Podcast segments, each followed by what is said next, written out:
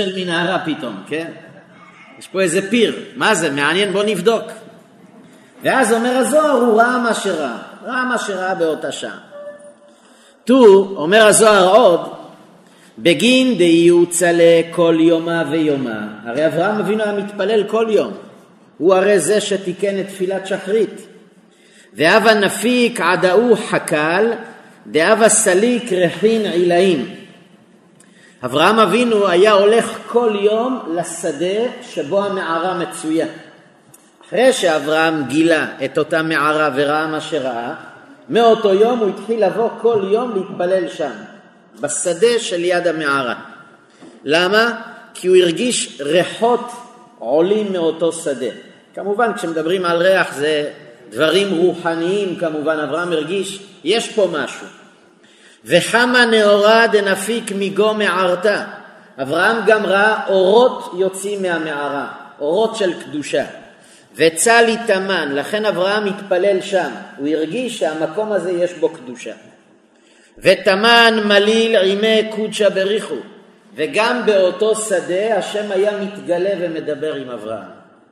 מסכם הזוהר, מכל הסיבות הללו, בגין כך בעלה דתעובתא אבה בהוא אתר תדיר. לכן אברהם השתוקק לקבל את המקום הזה. אברהם השתוקק להיות במקום הזה, שזה מערת המכפלה. שואל הזוהר, ואי תמה, אי אחי, עמי לא באה לעד אשתא?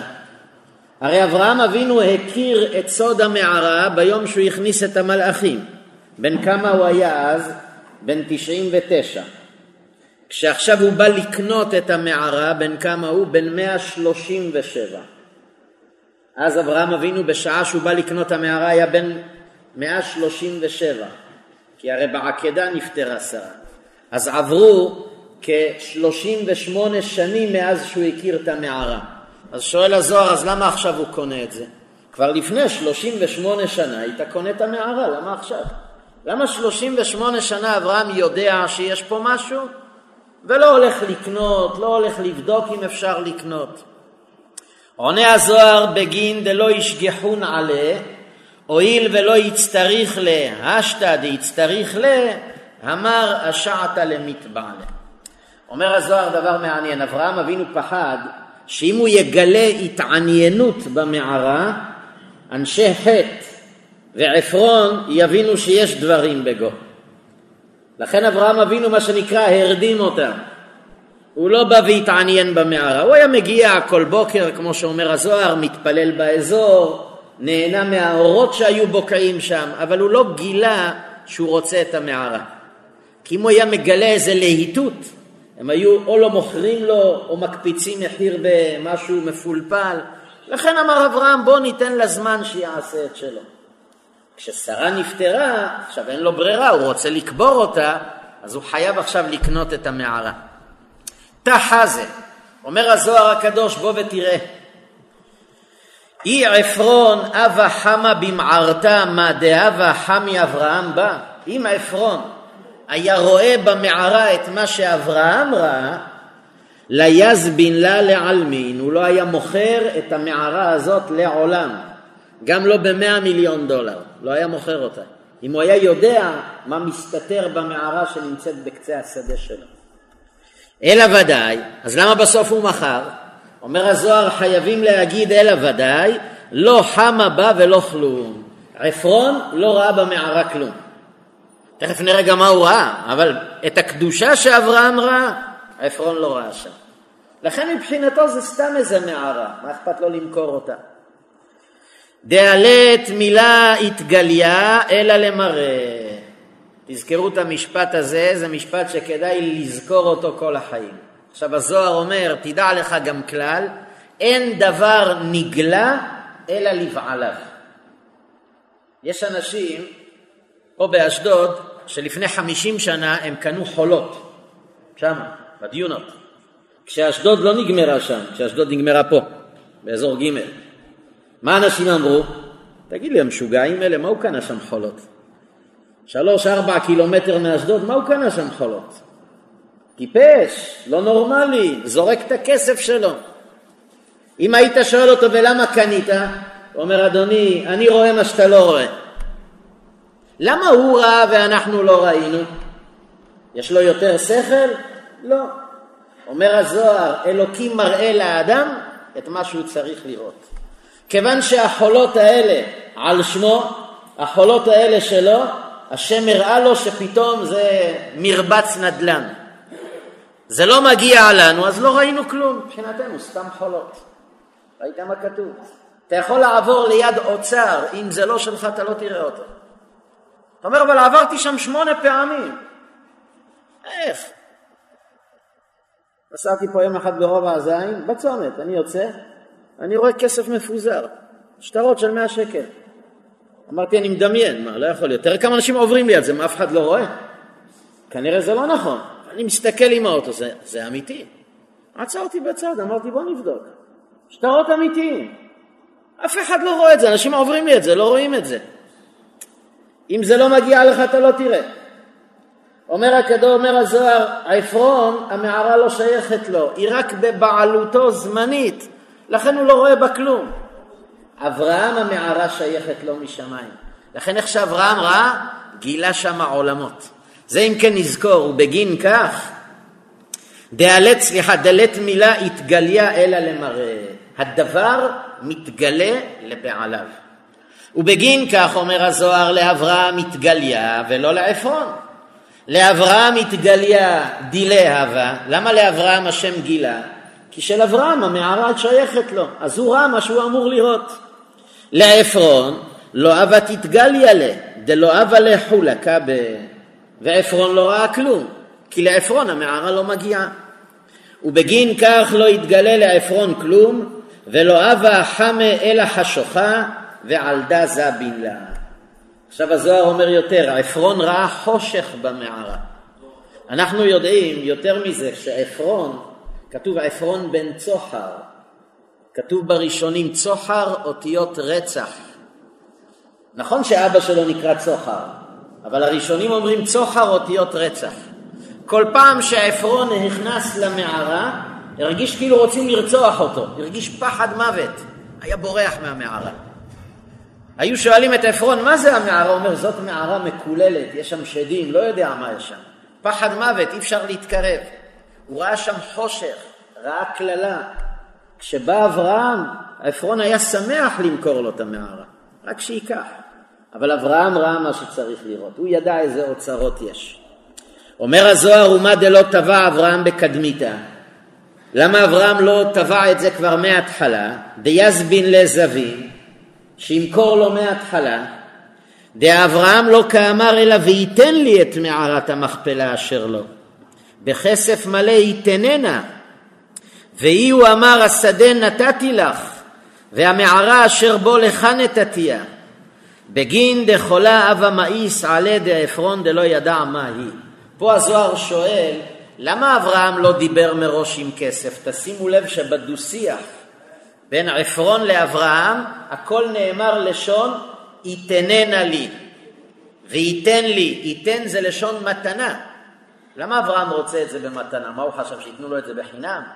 וגם עפרון אומר, עפרון אומר, איך הפסוק? השדה נתתי לך והמערה אשר בו לך נתתיה. למה הם מדברים בלשון מתנה? אומר הזוהר, כי עפרון היה מוכן להתפטר מהמערה בחינם, רק תיקח. למה? כי מבחינתו לא רק שהמערה אין בה כלום, היא גם מפחידה אותו מאוד. הוא לא יודע מה יש במערה הזאת. לכן עפרון מדבר כך, מתנה, רק תיקח. בסוף המתנות האלה עלו יקר מאוד, כן? שילם הרבה כסף אברהם, אבל עפרון היה מוכן לתת בחינם. מסיים הזוהר בקטע האחרון, חמה מה כתיב, מה כתיב, תסתכל מה כתוב בסוף. ויקום השדה והמערה אשר בו, כי מה ממש הווה לה, מה דלא הווה לה עד אשתא. הזוהר מסביר מה זה ויקום השדה והמערה, מה השדה קם באוויר? מה זה ויקום? אז הזוהר אומר, אם אני אומר את זה בלשוני, הזוהר מתכוון להגיד בפירוש הראשון שלו שעכשיו קראנו, שהשדה כביכול כל זמן שהיה בשליטתו של עפרון כאילו השדה היה מוריד את הראש, כפוף, שפוף, בלי מצב רוח. כשהשדה נקנה על ידי אברהם, ויקום השדה. כאילו השדה עכשיו קיבל מצב רוח, אברהם קנה אותי. לא ששדה יש לו ראש ולא ראש, אבל כמשל אומר הזוהר, ויקום השדה, כאילו השדה הרים ראש.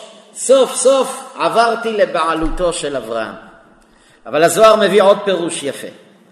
רבי אבא אמר ויקום השדה ודאי קימה ממש כפשוטו השדה קם דקם והסתלק קמא דאברהם בגין דעד אשתא לא יתחזה תמן כלום ואשתא מה דאבה תמיר קם והסתלק וכדן קם קולה בנימוסוי.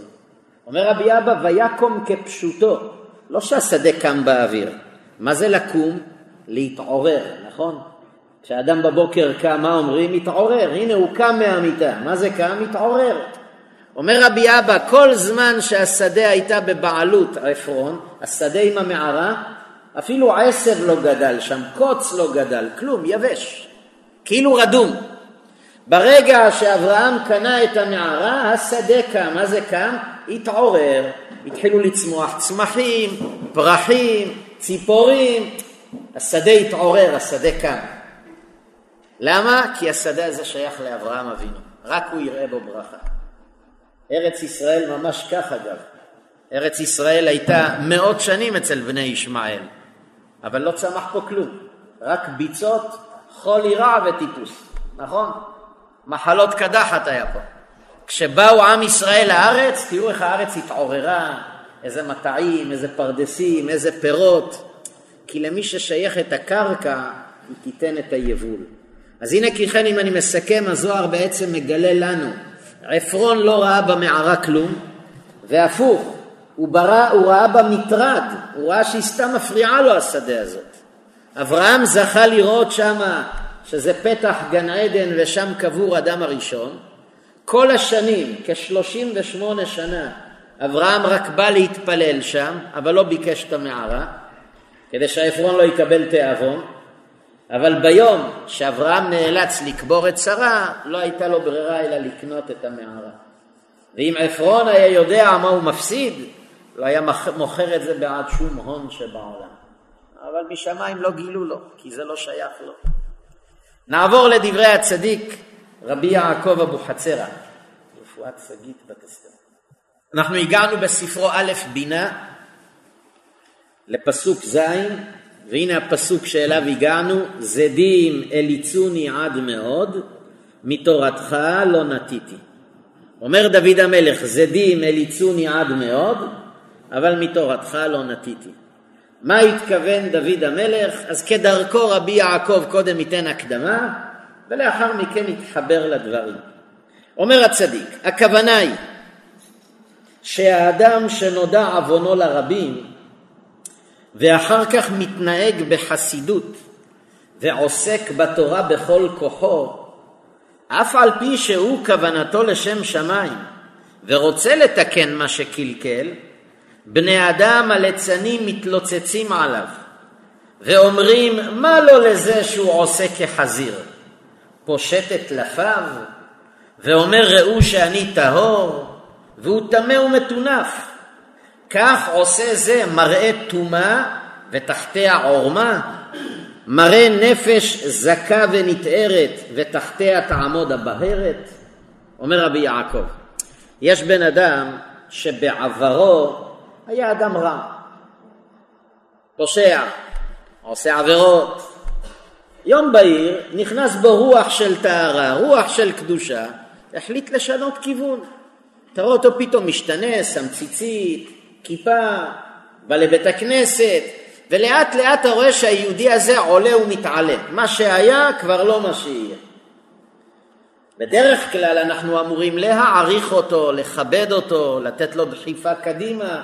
אומר רבי יעקב, אבל יש אנשים שהם בגדר זדים וליצנים. מה הם עושים לו? מקררים אותו. אומרים לו, תגיד לי, מה אתה משחק אותה צדיק אתה? מה, מניח לי תפילין של רבנותם פתאום. איפה היית אתמול? אני זוכר אותך מה עשית שלשום, מה אתה עושה לנו הצגות? נהיית לנו הבבא סאלי? כל מיני משפטים כאלה. אנשים, זה לא הגישה, אבל יש אנשים שהם רעים. הם לא יכולים לראות אדם שמשנה כיוון, אדם שמשתנה. בסדר, עשה טעויות בעברו, מה לעשות? זכור כי עפר אנחנו. מי מאיתנו בצעירותו לא עשה טעויות? מי יותר, מי פחות? אף אחד לא הלך ישר בתלם, כל אחד היה לו את הבעיות שלו. אז יש אנשים שמבינים את זה, בסדר, מה שהיה היה, פותח דף חדש. השם נותן לנו את היכולת לפתוח דף חדש. יש אנשים שלא מקבלים את זה.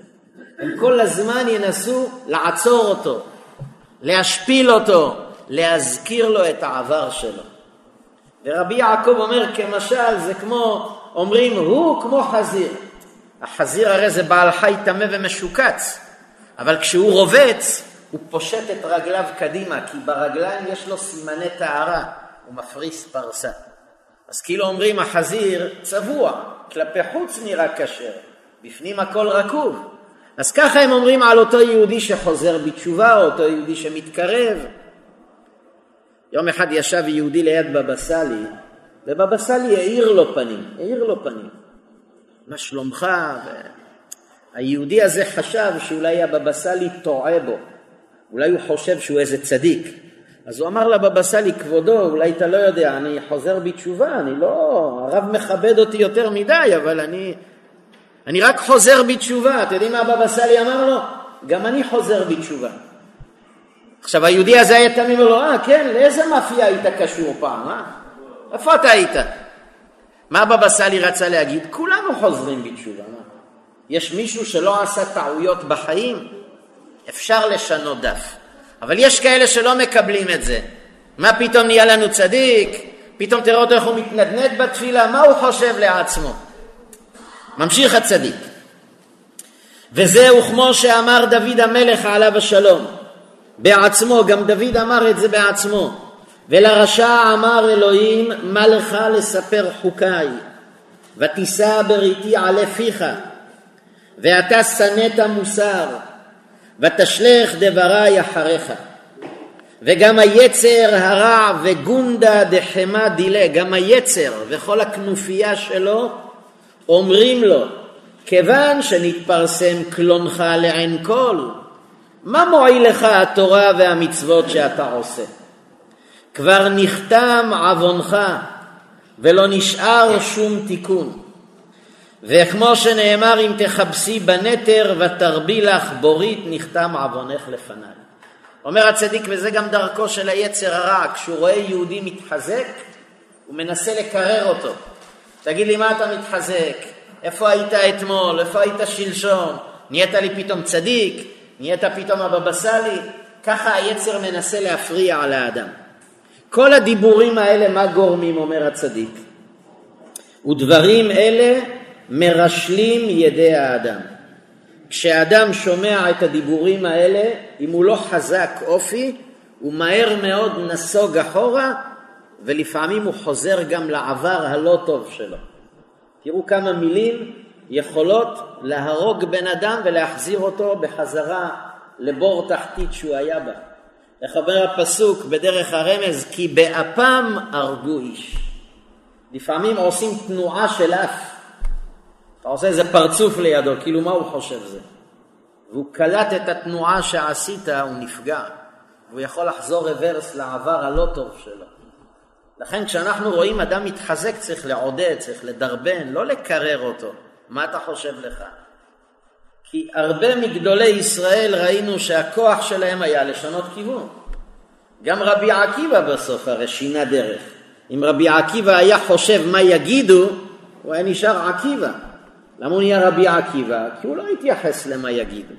לכן אומר הצדיק הלאה, באמת האדם מחזק ביראת השם, מי שיש לו עמוד שדרה, ויודע שורש הדבר, כי עסק התורה ומעשים טובים קורעים גזר דינו, לא ישוב מפני כל.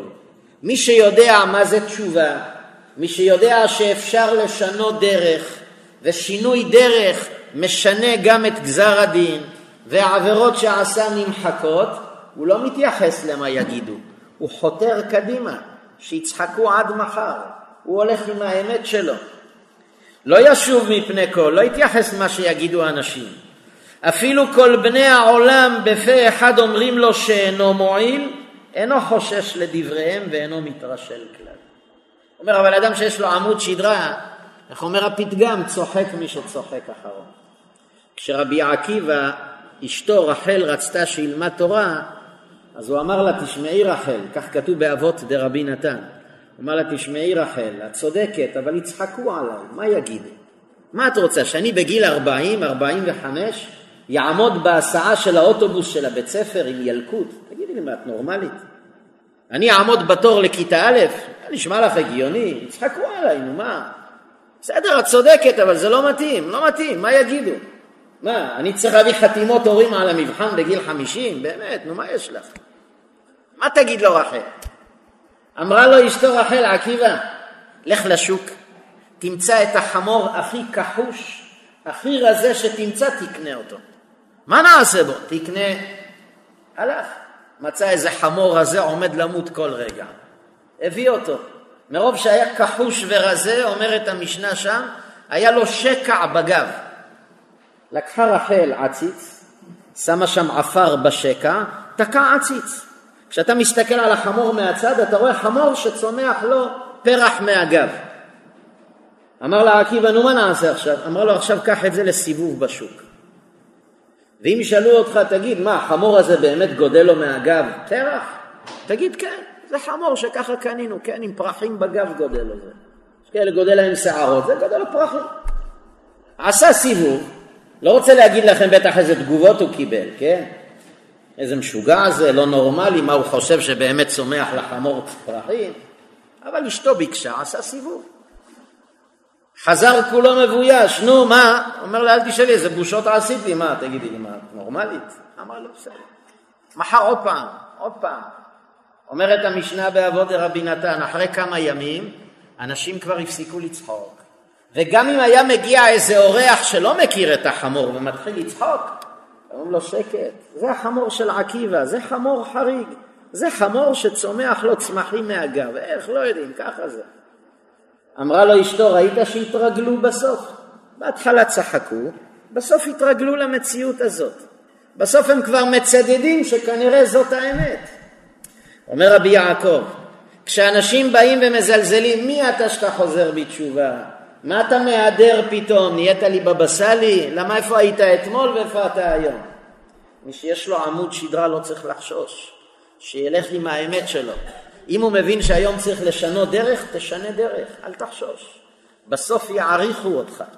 כל זה, אומר רבי יעקב, נכנס בפסוק. וזהו שאמר, זה מה שדוד המלך אמר, זדים הליצוני. למי הוא התכוון זדים? הוא לא אמר אנשים הליצוני, זדים. במילת זדים כלל בני אדם הליצנים וכל יצר הרע וגונדה דחמה דילה. כלומר, כשהוא אמר זדים הוא התכוון גם בני אדם וגם כוחות הטומאה, מלאכי חבלה, יצר הרע. כולם נאספו מתלוצצים עליי. דוד המלך היה עובר בושות יום יום, היו צוחקים עליו אנשים ואומרים מה מועילה התורה שאתה עוסק וכבר נכתב ונחתם גזר דינך. כאילו דוד מה אתה לומד תורה? מה אתה משחק אותה צדיק? הרי נכשלת עם בת שבע, נכשלת פה. ככה היו מנסים לקרר אותו, זדים הליצוני, היו מתלוצצים על הגב שלי. איך אמר דוד? על גבי חרשו חורשים. ולא נתרשלתי כלל מעסוק בתורה. הוא אומר, אני לא הקשבתי להם והמשכתי בדרך שלי. וזהו שאמר, מתורתך לא נטיתי. הוא לא אמר לא סרתי, מדייק רבי יעקב, לא נטיתי. אפילו נטייה כלשהי. אז הנה רבי יעקב מלמד אותנו בפירושו, אם נסכם, דוד המלך קיבל השפלות. דוד המלך היו מזלזלים בו ומתלוצצים על חשבונו. מה אתה חושב לך דוד המלך? אתה מניח תפילין של רבנותם כאילו אתה איזה צדיק? ומה עשית שלשום עם בת שבע? ככה היו מזלזלים בו. אומר דוד, אם הייתי שומע עליהם ומתרפא ומתרופף, הייתי יורד לתחתית. אבל זדים אליצוני, מתורתך לא נטיתי. נשארתי נאמן לתורה וצעדתי. והיום מישהו צוחק על דוד? מה אנחנו אומרים בכל ראש חודש, ברכת הלבנה? דוד מלך ישראל חי וקיים. בכל שבת בברכות ההפטרה, ברוך אתה השם, מגן דוד. ראית? אם דוד היה מתרגש ממה יגידו, לא היה מגיע למעלות האלה. אז למה הוא זכה לכל המעלות? כי הוא חתר קדימה. לכן כמה האדם צריך להשתדל לא להתייחס למה אומרים. נכון שזה לא נעים לשמוע העלבות או ליצנות על חשבונך, אל תייחס. אתה תלך עם האמת הפנימית שלך, וסוף הכבוד לבוא בסופו של דבר. נעבור לדברי האור החיים הקדוש. אנחנו השבת נראה בעזרת השם פרשת חיי שרה, פרשה ממוצעת באורכה, 105 פסוקים יש בפרשה. והפרשה הזו ממש לא עוסקת בהרבה עניינים. בדרך כלל ראינו פרשיות מגוונות, הרבה נושאים. אפשר להגיד שתיים או שלושה נושאים בפרשה. הפרשה פותחת בנושא הראשון, פטירתה של שרה. בסוף הפרשה, פטירתו של אברהם, בסוגריים אני אומר גם פטירת ישמעאל, זה אחרי, אבל מבחינתנו פטירת שרה, פטירת אברהם. ישמעאל גם כתוב שנפטר בסוף. ובתווך, בין שתי הפטירות האלה, שרה ואברהם, 67 פסוקים שמתארים את השידוך הראשון בעולם, יצחק אבינו.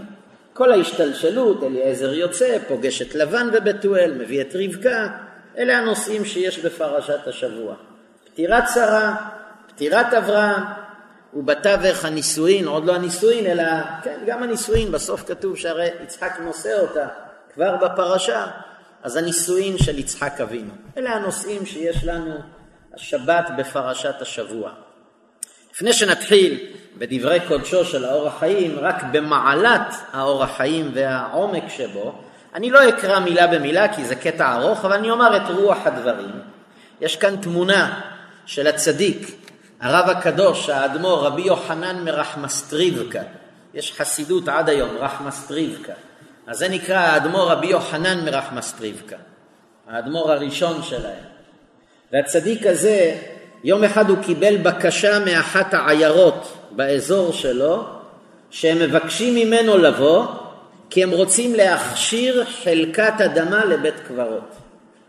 והרי להכשיר חלקת אדמה לבית קברות זה לא רק לשים קברים, יש פסוקים שצריך לומר, מי שמבין בסוד גם יש איחודים שצריך לייחד. אז הם ביקשו מהצדיק הזה שהתמונה לפנינו, תבוא, תעזור לנו להכשיר שטח לבית עלמין בעיירה שלנו. הצדיק הזה מיד שלח מכתב לאחיו הגדול, רבי אהרון מרחמס רבקה, והוא כתב לו במכתב, תראה, כשאבא שלנו הצדיק, האדמו"ר שלנו, נפטר, אני עוד הייתי צעיר לימים. אז לא קיבלתי מאבא את הכוונות, הסודות והייחודים שצריך לייחד כשמכשירים שטח לבית עלמין. אז אני מבקש ממך, אחי הגדול, אתה היית עם אבא, ינקת ממנו, תגלה לי מה צריך לכוון. כך שואל לך רבי יוחנן לאחיו הגדול רבי אהרון מרחמס רבקה. מה שלח לו בתשובה? הוא כתב לו במכתב כך, תיקח חומש בראשית, תפתח פרשת חיי שרה, תפתח שם באור החיים הקדוש, שמתאר את הקנייה של מערת המכפלה על ידי אברהם, תלמד היטב את הקטעים שהאור החיים מדבר על קניית אברהם את מערת המכפלה, שם תמצא את כל הסודות, כל הכוונות וכל הייחודים שצריך לייחד בשעה שמכשירים שטח לבית עלמין. כי הרי גם אברהם הפך את אותו שדה ומערת המכפלה לבית עלמין. אז אתה תראה בדברי האור החיים את כל הכוונות והסודות. וכך הוא עשה באמת, סידר לאותה עיירה והכשיר להם שטח. אני אומר את האמת, ראיתי כמה פעמים את האור החיים שמדבר על זה, לא ראיתי לא כוונות, לא סודות ולא ייחודים. אז מה כתוב פה? מזה אני רק למד שגם אם אנחנו חושבים שהבנו את האור החיים, יש פה כנראה עוד עומק שאפילו לא התקרבנו אליו. כי אם רבי אהרון מרחמסטריבקה אמר לאחיו, אתה שואל איפה הכוונות והייחודים שצריך לכוון בהכשרת שטח לבית עלמין?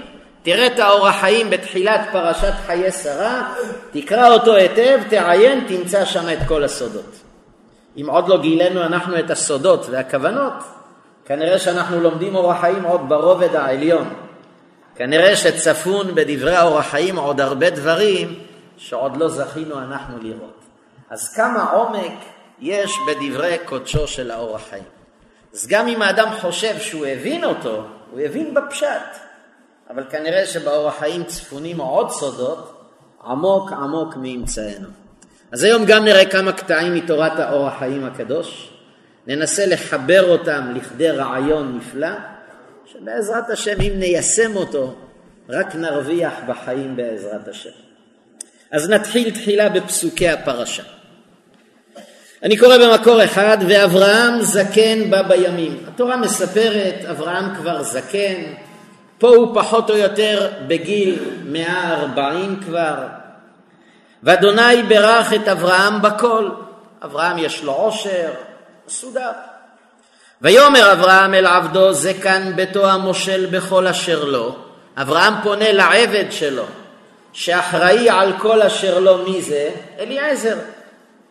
שים נא ידך תחת ירחי, אני רוצה להשביע אותך בדבר קדוש, שזה מקום הברית, ואשביעך באדוני אלוהי השמיים ואלוהי הארץ, אשר לא תיקח אישה לבני מבנות הכנעני, אשר אנוכי יושב בקרבו. כי אם אל, ארצ... כי אל ארצי ואל מולדתי תלך, ולקחת אישה לבני ליצחק. אז אברהם קורא לאליעזר, מטיל עליו תפקיד, אתה רואה את יצחק הבן שלי, כבר קרוב לגיל ארבעים, סדר לו כלה. אין בעיה. אומר לו, רגע, חכה, זה אין בעיה? מבנות הכנעני לא רוצה לשמוע. יש לי משפחה בחרן. אברהם אז היה גר באזור באר שבע. חרן זה חבל ארץ בעיראק, כורדיסטן. יש לי שם משפחה כמעט אלפיים קילומטר מפה, תלך לשם, מבנות המשפחה שלי מהשורש, תביא כלה ליצחק. אבל אברהם ממשיך. אברהם אומר לו, אני כמובן קטעתי פסוקים ואני הולך ללב ליבו של העניין, אברהם מוסיף, אדוני אלוהי השמיים, אשר לקחני מבית אבי ומארץ מולדתי, ואשר דיבר לי ואשר נשבע לי לאמור, לזרעך אתן את הארץ הזאת, הוא ישלח מלאכו לפניך, ולקחת אישה לבני משם. אני בטוח שאליעזר אמר לאברהם, אני אלפיים קילומטר, תגיד לי, זו משימה קשה. אתה שולח אותי למדינה זרה? מה אברהם אומר לו? אליעזר, אל תדאג, אני כבר סידרתי לך את העניינים. צוות מלאכים נכון לשירותך בכל עת. האלוקים שלי ישלח מלאכו לפניך, אל תדאג, אתה תקבל מלאך. צוות חילוץ ילווה אותך לכל אורך הדרך. אמר לאברהם, מה אתה דואג? סידרתי לך מלאכים. אברהם צדק או לא צדק? היה מלאכים או לא היה מלאכים? היה מלאכים. איפה אני יודע?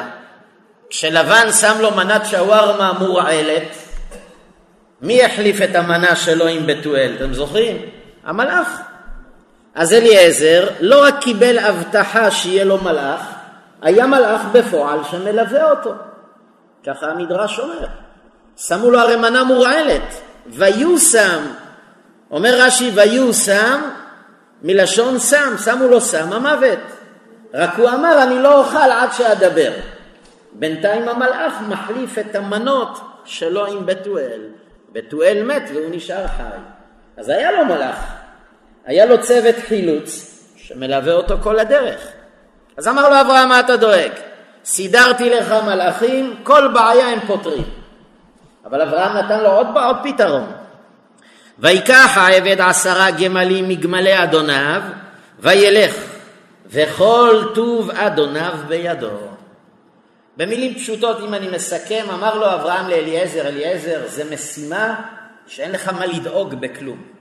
קודם כל נתתי לך מזוודות של דולרים, ואתה יודע שמזוודות של דולרים זה משחרר סתימות הכי טוב בעולם. כל פקק, כל בעיה, חוץ מהסתימות בכיור במטבח שזה לא סוגר, לא פותח, אבל כל בעיה שתתעורר, כל טוב אדוניו בידו, קיבל כמה מזוודות עם מיליוני דולרים, כל בעיה, פזר קצת כסף, הכל יסתדר. וגם אם אתה תגיע לבעיה שכסף לא פותר, הוא ישלח מלאכו לפניך, אל תדאג. אני כבר שלחתי מלאך שילך ויסלול לך את הדרך. יש נושאת מטוסים שמלווה אותך, אל תפחד. כל בעיה רק תלחץ, מגיע המטוס, מה שאתה צריך. במילים פשוטות אומר אברהם לאליעזר, אליעזר, תפסיק לחשוב על בעיות, צא לדרך, הכל בסדר. זה מה שכתוב פה. מה אליעזר עושה? בואו נראה. מקור שתיים, ויאמר אדוני אלוהי אדוני אברהם, אקרנה לפניי היום ועשה חסד עם אדוני אברהם. קפצנו קצת, אליעזר מגיע לחרן, איך שהוא מגיע הוא הולך לבאר, ומיד הוא עומד ליד הבאר ומתחיל להתפלל לקדוש ברוך הוא. למה אליעזר מתפלל? הרי אברהם כאילו אמר לו אפילו תפילה אתה לא צריך, הכל מסודר, רק תצא כבר. למה אליעזר מתפלל? אומר האור החיים, על מה יש לו להתפלל? הרי לכאורה אברהם כבר מראש סלל לו את הדרך. כל בעיה שיכולה לצוץ אברהם פתר. למה צריך להתפלל? את השאלה הזאת האור החיים רומז בדבריו. בואו נקרא את לשון קודשו. ויאמר השם אקרא וגומר. תראו את המילים שאומר האור החיים. בטוח היה אליעזר באדונו שתפילתו מקובלת. אשר יתפלל הוא ישלח מלאכו. אל תחשוב שאליעזר יתפלל כי הוא חשב שאברהם סתם מדבר, יהיה לך מלאך. לא. אומר האור החיים, אליעזר היה בטוח שהברכה והתפילה שאברהם ביקש שהשם ישלח מלאך, הוא בטוח שהברכה הזאת התקבלה. לא היה לו ספק. אם אני מוסיף גם אליעזר כנראה ראה את המלאך שמלווה אותו. הוא ראה מה אברהם אמר, קיים. אז אם יש לך מלאך שמלווה אותך, איזה בעיה כבר יכולה לצוץ? מלאך פותר כל בעיה. אומר האור החיים, והוסיף להתפלל. אז למה הוא מוסיף להתפלל? על מה? שיהיה הוא ראוי לעשות הדבר על ידו, כי יימצא שלפעמים תהיה מניעה לקיים דברי התפילה מצד האמצעי. לזה יתפלל לאלוהי אדונו שיקרא לפניו. אליעזר מצא בעיה חדשה שאברהם לא חשב עליה. אמר אליעזר, אברהם שלח מלאך. אברהם נתן לי דולרים לפתור בעיות, אבל יכול להיות בעיה שאברהם לא חשב. אולי אני לא מתאים לתפקיד, וזה נקרא האמצעי, האמצעי זה השליח. אולי אני לא מתאים.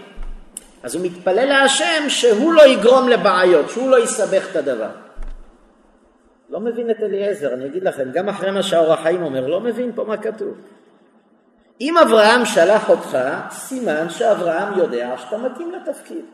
אם לא היית מתאים, הוא לא היה שולח אותך. אז מה אתה צריך להתפלל?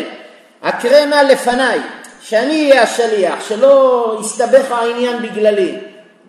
אברהם ברך אותך שתצליח, שלח איתך המלאך, נתן לך הרבה דולרים לפתור בעיות. אברהם שלח אותך, אתה לא התפרצת לזה. הכל תקין, צא כבר לדרך. אני אומר בלשון שלי, זה נראה כאילו אליעזר מחפש בעיות מתחת השולחן. אמר לו אברהם, צא כבר, צא, הכל מסודר. לא, לא, רגע, אולי אני לא מתאים, אולי אני אעשה טעויות. תגיד לי, מה, אתה מחפש בעיות? למה הוא כזה פסימי? צא כבר. למה הוא צריך לעצור ולחשוב, אולי תצוץ בעיה שהוא ייצור ואברהם לא חשב? מה כתוב פה החי ורק? אבל ככה אור החיים אומר. אליעזר אמר, כן, מלאך מלווה אותי, כסף יש, אבל אברהם לא חשב, אולי אני אהיה הבעיה בסוף. ומי אמר לך שאברהם לא חשב על זה?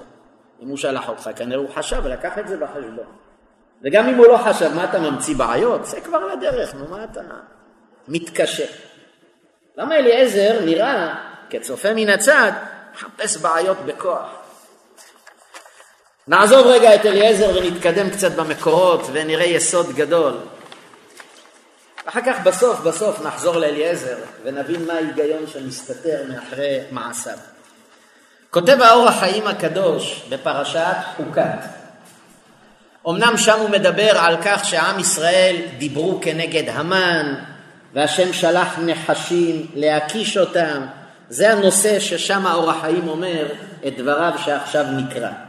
אבל דבריו שהוא כתב שם, הוא כותב שם יסוד שהוא מתאים לא רק לשם. בואו נראה את לשונו, כי האור החיים מניח לפתחנו פה יסוד גדול. מה שהתרעמו, למה הביאם השם דרך המדבר?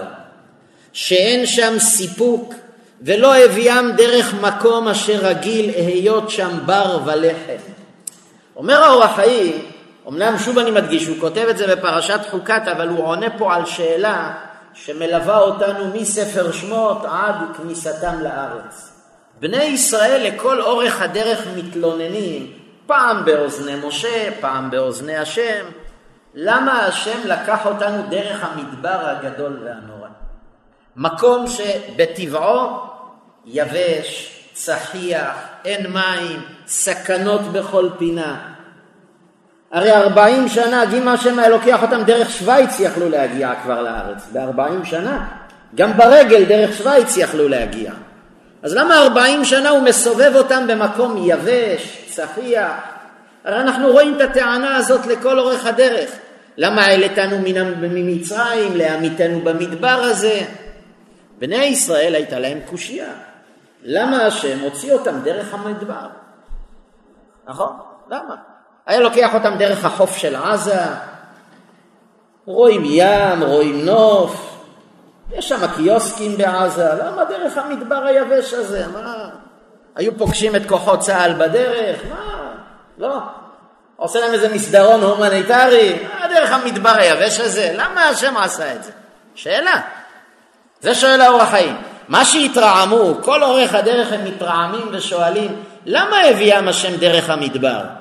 שאין שם סיפוק, אי אפשר להביא שם אספקה, ולא הביאם דרך מקום אשר רגיל להיות שם בר ולחם, שיעביר אותם דרך מקום יישוב.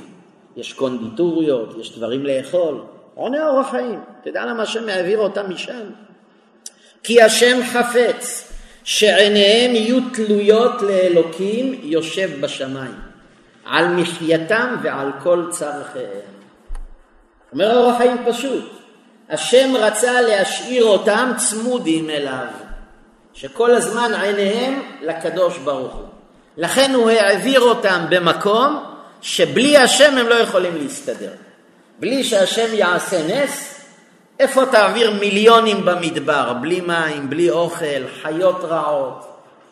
השם העביר אותם בכוונה במקום מסוכן, במקום שקשה לשרוד בו, כדי שכל הזמן הם יצטרכו אותו את הקדוש ברוך הוא. כל הזמן עיניהם לקדוש ברוך הוא. והוא מוסיף שהשם חפץ בזה כדי שיהיה ליבם תמיד באין הפסק קרוב להשם. השם רצה את קרבתם תמיד. ולמה? כבן המצפה לשולחן אביו ערב ובוקר ובכל עת וזמן.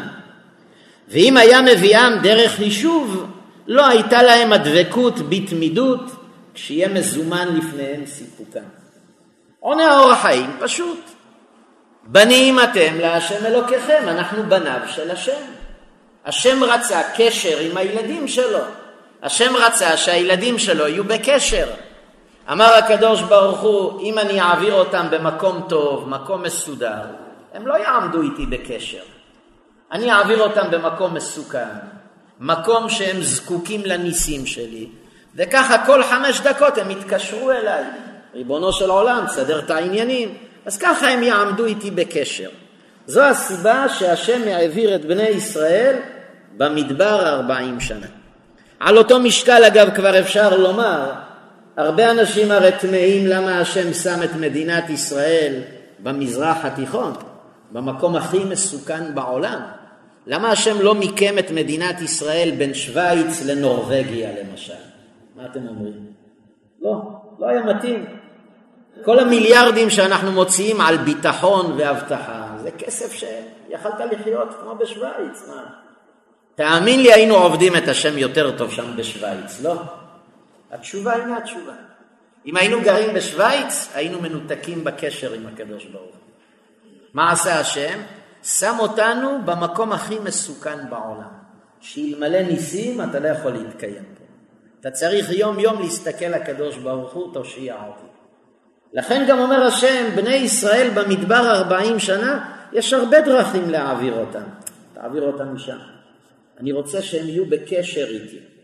אומרת הגמרא במסכת יומא, גמרא מפורסמת, יומא דף ע"ו עמוד א', שאלו תלמידיו את רבי שמעון בן יוחאי, מפני מה לא ירד להם לישראל מן פעם אחת בשנה? למה השם היה צריך להוריד לאבותינו מן כל יום? הרי זה לוגיסטיקה, אתם יודעים מה זה להוריד מן כל יום לעם שלם? זה מיליונים. אתם יודעים כמה, מחו, כמה מן יורד בשמיים? זה להצמיח אספקה לעם שלם זה בלגן, זה לא פשוט. למה השם צריך את הכאב ראש? היה מוריד לכל אחד מכולת קירור בראש השנה.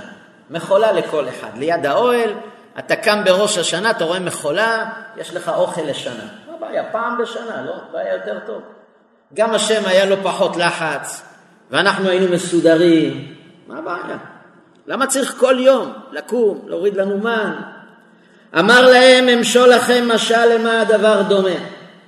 למלך בשר ודם שיש לו בן אחד, פסק לו מזונותיו פעם אחת בשנה, ולא היה מקביל פני אביו, אלא פעם אחת בשנה. עמד ופסק מזונותיו בכל יום, והיה מקביל פני אביו כל יום.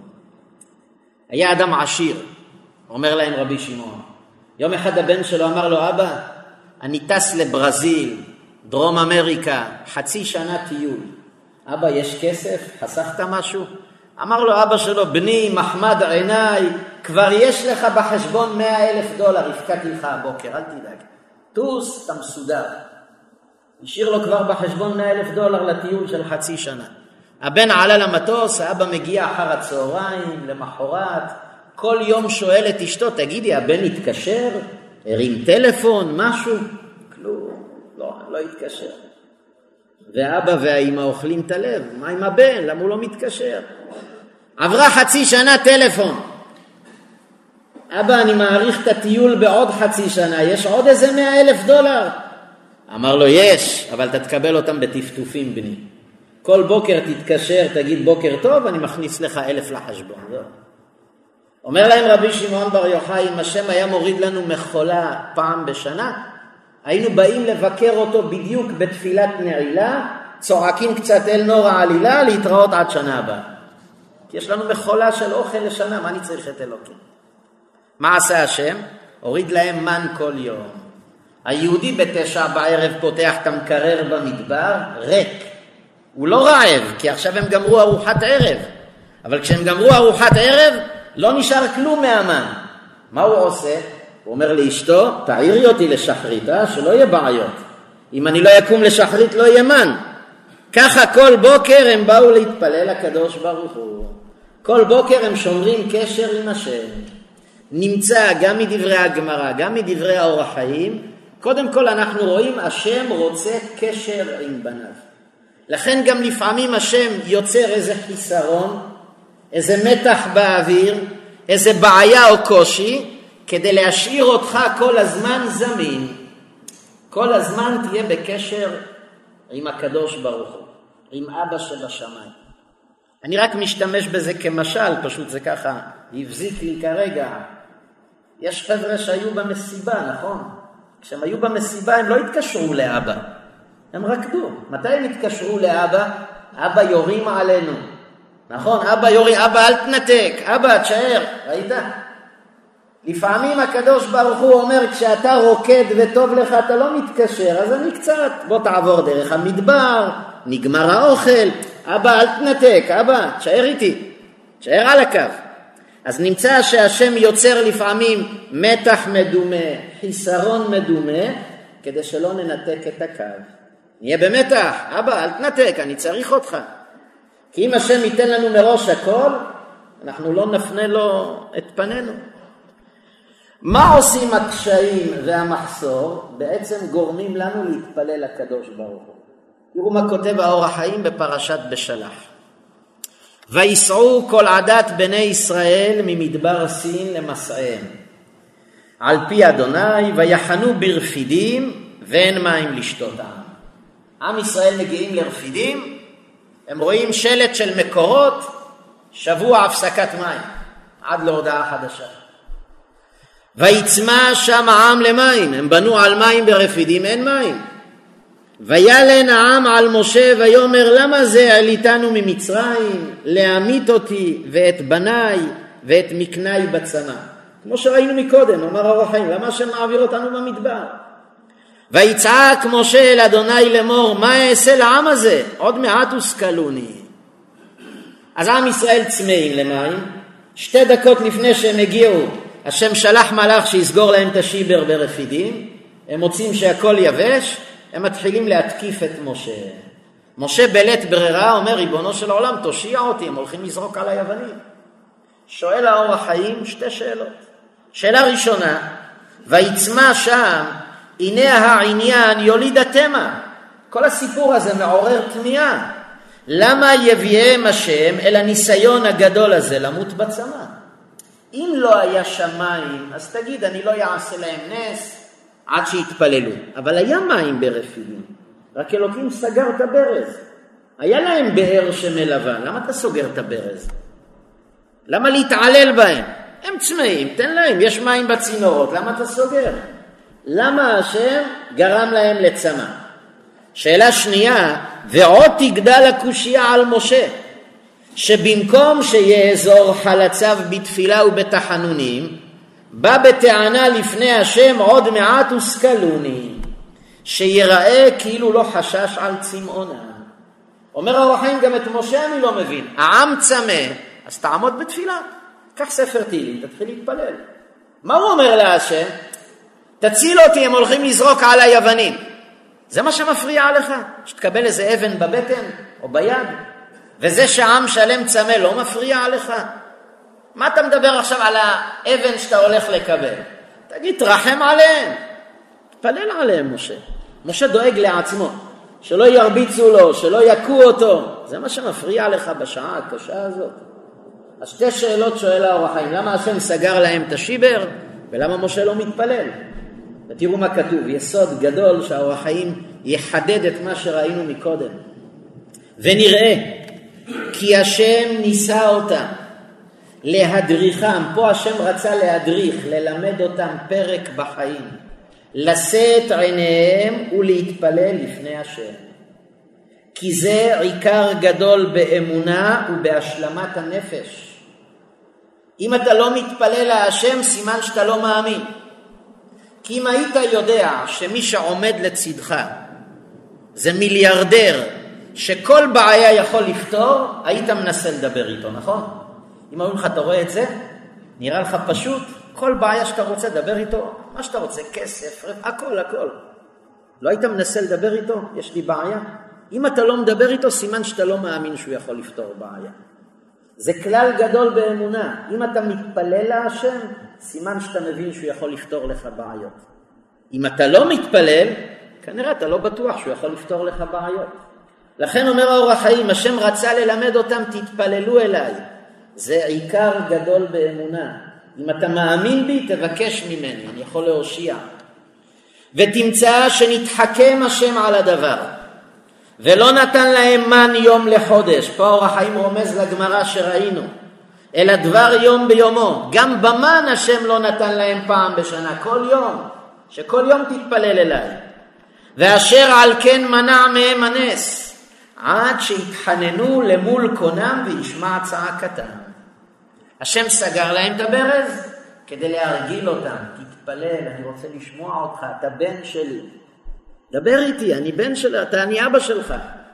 השם רצה להכניס אותם למסלול שנקרא תפילה. אומר הצדיק, הוא מודיע הכתוב, כי במקום שיצעקו להשם, היו מריבים עם משה. וכשתקף עליהם הצמאון, וילן העם על משה. במקום לתת את האנרגיות לתפילה, הם לוקחים את האנרגיות רבים עם משה רבנו. אז הם לא למדו עדיין את הלקח. ומשה למה לא מתפלל? וכל זה השכיל והבין משה, ולזה לא התפלל אל השם. והיה מצפה לתקוות האדון מהם. תראו איזה יסוד. אומר האור החיים, הקדוש ברוך הוא מביא על האדם בעיה מדומה. למה מדומה? כי היה מים. היה שם מים, זה לא שעכשיו צריך לייצר מים, היה. השם סגר להם את הברזים ברפידים, אין מים. למה השם עשה להם בעיה מדומה? ובעיה גם קשה, מבחינתם אין מים, זה אוי ואבוי. כי השם רצה, תתרגלו לדבר איתי. דבר איתי, אני רוצה לשמוע אותך. יש לך הכל, אבל איתי אין לך קשר. כשמשה רואה שהם צמאים הוא לא מתפלל. למה הוא לא מתפלל? כי הוא הבין, השם לא רוצה לשמוע אותי, השם רוצה לשמוע אותם. אז מה אני אתפלל? השם רוצה אותם, הוא רוצה שידברו איתו, שיתקשרו אליו, אז מה אני אדבר עם השם? הוא רוצה אותם. לכן משה שותק. כשמתחילים לזרוק אבנים, הוא אומר תציל אותי, הם הולכים להרוג אותי. אבל עליהם לא שהוא לא מרחם, הוא הבין מה מסתתר מאחרי הקושי הזה. השם רוצה מתוך הקשיים שנתפלל. מה, השם נהנה שיבקשו ממנו? אומר רבי נחמן מברסלב במקור שש, דע שעיקר התחברות ודבקות להשם יתברך הוא על ידי התפילה. כי התפילה הוא שער שדרך שם נכנסים להשם יתברך. ותפילה לשון התחברות, כמו שכתוב נפתולי אלוהים נפתלתי ותרגומו לשון התחברות. אפשר לסגור פה כבר מערכה ראשונה. היסוד הראשון הנה הוא שלם כרגע. הקדוש ברוך הוא רוצה קשר איתנו. למה? כי הוא אבא, אנחנו בניו. בנים אתם להשם אלוקיכם. כל אבא רוצה לשמוע את הבן שלו מפעם לפעם. ואם היה יכול שכל יום יתקשר, מי לא רוצה את זה? רק לפעמים הבן שוכח להתקשר. מה עושה הקדוש ברוך הוא? מביא איזה צרה, איזה חיסרון. זה גורם לו עכשיו להתקשר לאביו שבשמיים. ולמה צריך להתפלל? כי החיבור שלנו עם הקדוש ברוך הוא זה התפילה. איפה אתה פוגש את אבא שבשמיים? בתפילה. כשאתה מתפלל אתה פוגש אותו. בכל המקום אשר אזכיר את שמי אבוא אליך. אתה מדבר אליי, אני בא, ניפגש. נמצא שבעצם רוב הצרות שהאדם חווה כאדם, או שאנחנו חווים כעם, יש להם בעיקר מטרה אחת, תחדשו איתי את הקשר. אל תשכחו אותי, תתקשרו אליי. זה המטרה של הקשיים, שנרים העיניים לקדוש ברוך הוא. ותפילה זה לשון חיבור. אתם יודעים, בשורש הלשון, בשורש הלשון בלשון הקודש, האותיות פ', ת' ול' שיוצרות את המילה פתל בשורש הלשון הקודש זה מורה על חיבור. תשימו לב, תפילין יש שם ת', פ' ול', יש את השורש פ', ת', ל'. תפילין, מה זה תפילין? קשר, וקשרתם. אז תפילין זה לשון תפילה, זה קשר. יש בהלכות טומאת הכלים, הלכות טומאת הכלים. כל כלי אשר צמיד פתיל עליו, מה זה צמיד פתיל? מכסה מהודק. אז פתיל זה מהודק, מחובר. שם התורה דנה אם טומאת מת חודרת דרך המכסה או לא. אבל איך זה נקרא מכסה מחובר, מהודק, פתיל, צמיד פתיל. אז אתה רואה שוב פעם, פתיל, פ' ת' ל'. תפילה, ת' פ' ל', אותו שורש. כי תפילה זה חיבור. אלוקים לא רוצה שתבקש ממנו, אלוקים רוצה שתתחבר אליו. איפה אתה מתחבר לאלוקים? בתפילה. אתה מתפלל בבית הכנסת, לפעמים אדם נאלץ אפילו יחיד להתפלל, אבל אתה מדבר עם אלוקים, אז עכשיו נוצר החיבור. לכן רוב הקשיים שהאדם חווה, זה כדי לחבר אותו חזרה לקדוש ברוך הוא. ויגיד האדם, אז למה השם לא נותן לי שפע? כי השם יודע שאם יהיה לך שפע, אתה תתנתק ממנו. לכן לטובתך השם לא לפעמים לא נותן את השפע, שכל הזמן נהיה בקשר עם הקדוש ברוך הוא. עד לפה אפשר לסגור מערכה אחת. השם רוצה קשר, מביא קצת קשיים, אנחנו מחדשים את הקשר. אבל מה קורה אם בא קושי לאדם והוא לא מבין את זה, כמו שקרה לבני ישראל? הם ראו שחסר מים, במקום להתפלל להשם, מה הם עשו? התחילו לריב עם משה. מה קורה אז? הצרה נהיית יותר קשה. אומר המדרש, מדרש יונה, על ספר יונה. היה יונה, מקור שבע, היה יונה שלושה ימים במעי הדג ולא התפלל. הרי יונה זרקו אותו בלב ים, וימן אדוני דג גדול ויבלע את יונה. יונה שלושה ימים בתוך בטן הדג, מה השם ציפה? יונה, דבר איתי, תקשר אליי. יונה לא מתקשר לקדוש ברוך הוא, אתם יודעים למה? המדרש אומר, בבטן הדג היה לו מקום. הוא הרגיש כמו בצוללת. המדרש אומר, דרך עיני הדג הוא היה רואה את מסתרי הים. הוא ראה את הטיטניק, הוא ראה את הטיטניק בלב ים. הוא ראה איפה בני ישראל חצו את ים סוף, הוא ראה, והדג משוטט והוא מבסוט. אבל למה השם הביא לו את הצרה הזאת שהוא בבטן דג? כדי שיתפלל. אומר המדרש, היה יונה שלושה ימים במעי הדג ולא התפלל. אמר הקדוש ברוך הוא, אני הרחבתי לו מקום במעי הדג כדי שלא יצטער, והוא אינו מתפלל לפניי. אני שמתי אותו בבעיה, אבל לא בעיה קשה. הוא בבטן דג, אבל הוא כמו בצוללת. התחשבתי בו, אבל הוא צריך להבין שהמטרה שיתעורר. יונה היה צריך להגיד לעצמו, מה אני עושה פה בבטן הדג? זה לא המקום שלי. ואז להגיד, אנא השם הושיענה. במקום זה עכשיו הוא עושה טיול שנתי בלב ים. מה עושה השם כשאדם לא מבין שהצרה אמורה לעורר אותו? אני מזמין לו דגה מעוברת, דגה זה דג נקבה, מעוברת בשלוש מאות ושישים וחמישה אלפים דגים קטנים, כדי שיצטער ויתפלל לפניי, שאני מתאווה לתפילתן של צדיקים. אני אצופף אותו, במקום הדג אני אביא לו דגה, שבבטנה 365 אלף דגים דגיגונים נמצאים כבר בבטנה, שם יהיה לו דוחק, נראה אותו עכשיו לא מתפלל. מיד מה כתוב? פלתו הדג ובלעה אותו הדגה. כיוון שנכנס לתוך מרעה, היה מצטער בצער גדול. מיד מה כתוב? כיוון ליבו לתפילה לפני הקדוש ברוך הוא, ויתפלל יונה אל השם אלוקיו ממעי הדגה. עכשיו יונה מתפלל. כשאדם מקבל צרה קלה, כי השם מתחשב בו, אבל כל המטרה של הצרה זה לעורר אותו. תתעורר, דבר איתי, אני רוצה לשמוע אותך, אתה בן, למה אתה לא מתקשר לאבא? אם מבין, הלכה הצרה. אם האדם עדיין לא מבין, הצרה נהיית יותר קשה. לכן כשבני ישראל לא היה להם מים, אם היו מתפללים, היו פותרים את הבעיה, חידשו קשר. במקום זה הם רבים עם משה, הבעיה נהייתה יותר קשה. לא רק מים אין להם, גם נחשים שרפים התחילו להקיש. הבעיה הסתבכה. עד שהם נותנים עיניהם למרום, כל מי שהביט עיניו לשמיים, שעבדו ליבם, היה חי. נמצא אחי ורעי, השם משתוקק לקשר איתנו, השם מאוד רוצה קשר איתנו. ולפעמים האדם לא מבין את זה לבד. אז השם מביא צרות ובעיות, כדי שתתפלל. ותפילה זה חידוש הקשר. אבל ישאל השואל, ולמה באמת בני ישראל לא התפללו? אם הם ראו שאין מים, תתפלל להשם. מה תגידו לי, הם לא ידעו שתפילה עוזרת? הם בטח ידעו שתפילה עוזרת. איך הם יצאו ממצרים? לא על ידי תפילה. ויזעקו אל האלוהים, ותעל שבעתם אל האלוהים. ואז השם שולח את משה לגאול. אז למה כשבני ישראל ברפידים אין מים, במקום להתפלל הם רבים עם משה? למה הם לא מתפללים? את השאלה הזו שואל האור החיים במקור שמונה.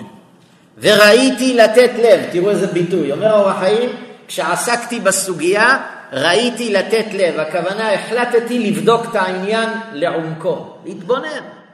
מה כך של הצדיק? איך עם השם הרואים דברים המופלאים והנוראים במצרים, ועל הים ובמדבר יטעו בדבר ולא יצעקו אל השם? הלא הם המכירים תועלת הצעקה, כי שמע את נאקתם במצרים. אומר האור החיים, אני לא מבין. הרי במצרים הייתם בבעיה, התפללתם, הנה קיבלתם גאולה. אז אתם יודעים מה זה תפילה. עכשיו אתם ברפידים, אין מים, במקום לריב עם משה, תתפללו להשם. למה הם לא מתפללים במדבר? למה במדבר, תראו, הם רק רבים עם משה, כל היום רבים.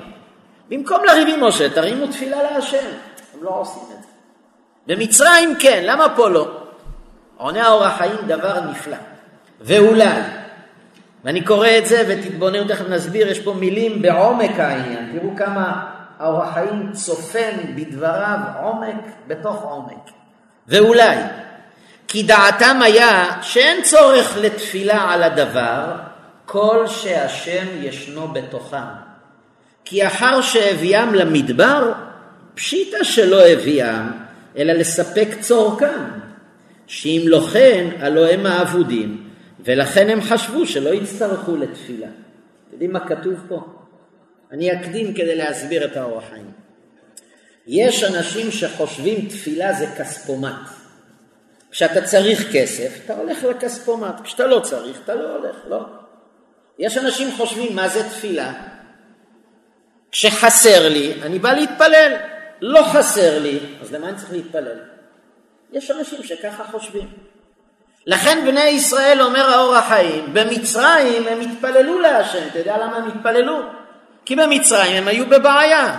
אין אוכל, הם עובדים כל היום, הורגים בילדיהם, הם בבעיה. אין כלום, אז הם מתפללים. כספומט, תביא. כשהם הגיעו למדבר הם לא התפללו. אתם יודעים למה? אומר האור החיים, כי במדבר לא היה חסר להם כלום לכאורה. לא חסר כלום. יש מן, יש מי באר. אלוקים איתנו, הנה המשכן. מה, אלוקים לא יודע מה אני צריך? לכן שם הם לא מתפללים. הם בטוחים שתפילה, כשאתה בבעיה תתפלל. אתה לא בבעיה, על מה יש להתפלל? ככה הם ראו את התפילה. וזו הייתה הטעות שלהם, הם חשבו שתפילה זה רשימת מכולת. כשצריך באים, לא צריך, לא צריך את המכולת. זו הטעות שלהם. אומר האור החיים, הם אמרו, אם השם איתנו פה, המשכן, ענני כבוד, מה צריך להתפלל? לכאורה הכל השם מביא לנו, על מה יש להתפלל? לכן במדבר הם לא היו מתפללים. עד שהשם לא סיבך אותם במחסור של מים, וגם אז הם עוד לא מבינים שהם צריכים להתפלל. כי הם היו במצב שלא חסר להם כלום. וזו טעות. למה זו טעות? כי מי שחושב שתפילה זה כשחסר לי אני צריך להתפלל, הוא טועה בדבר. כותב בעל חובת התלמידים, מקור תשע, יש חושבים שכל עצמה של התפילה היא הדאגה והצרות שעליה מתפללים. כמו שמבקש העני מן העשיר. כלומר, יש אנשים אומרים מתי צריך להתפלל? כשחסר לי, כואב לי, לא נוח לי, אז אני צריך להתפלל. כמו עני, מתי הוא בא לעשיר? כשהוא זקוק לכסף. אם הוא לא זקוק, הוא לא יבוא לעשיר.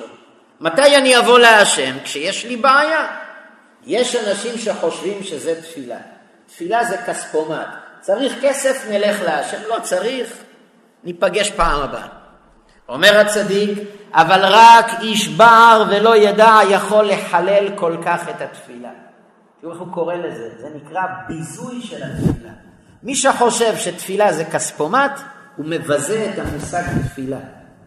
ולחושבה רק צורך הדאגות, אז מה, כשאתה דואג אתה בא להשם, ולולא הצטרכיותו, אם אתה לא צריך, לא היה מתפלל חס ושלום. זה בעצם מה שאומר היהודי. מתי אני בא להתפלל? כשהוא בצרה. אם הוא לא בצרה, הוא לא בא. תראים את ההוא שחיפש חנייה בתל אביב, נכון? ריבונו של עולם, צריך חנייה, יש לי פגישה עוד שתי דקות, נו תעשה משהו. זה בדיוק אוטו לפניו מפנה לו את החנייה. ריבונו של עולם, תשכח, הסתדרתי בלי טובות, לא צריך. ראיתם? אם האדם חושב, כשאתה צריך את השם, תתקשר אליו, כשאתה לא צריך לו, אתה מבזה את הקדוש ברוך הוא. אתם יודעים למה זה דומה? איך אבא אמור להרגיש כשהבן שלו מתקשר כשהוא צריך כסף? כשהוא לא צריך כסף הוא לא מתקשר, איך אבא היה מרגיש? לא היה נפגע. תגיד לי, אני כספומט? רק כשאתה צריך כסף אתה יודע לבוא. כשאתה לא צריך כסף אתה לא יודע לשאול מה נשמע. זה מעליב. לכן אומר הצדיק, מי שחושב שכשהכול מסודר לא צריך תפילה, וכשיש בעיה הוא בא להתפלל ולבקש, לא רק שהוא בבעיה, הוא מבזה את השם ואת הקשר שלו לקדוש ברוך הוא. אומר האור החיים, אתה יודע למה במדבר סיני הם לא התפללו בגלל הסיבה הזאת?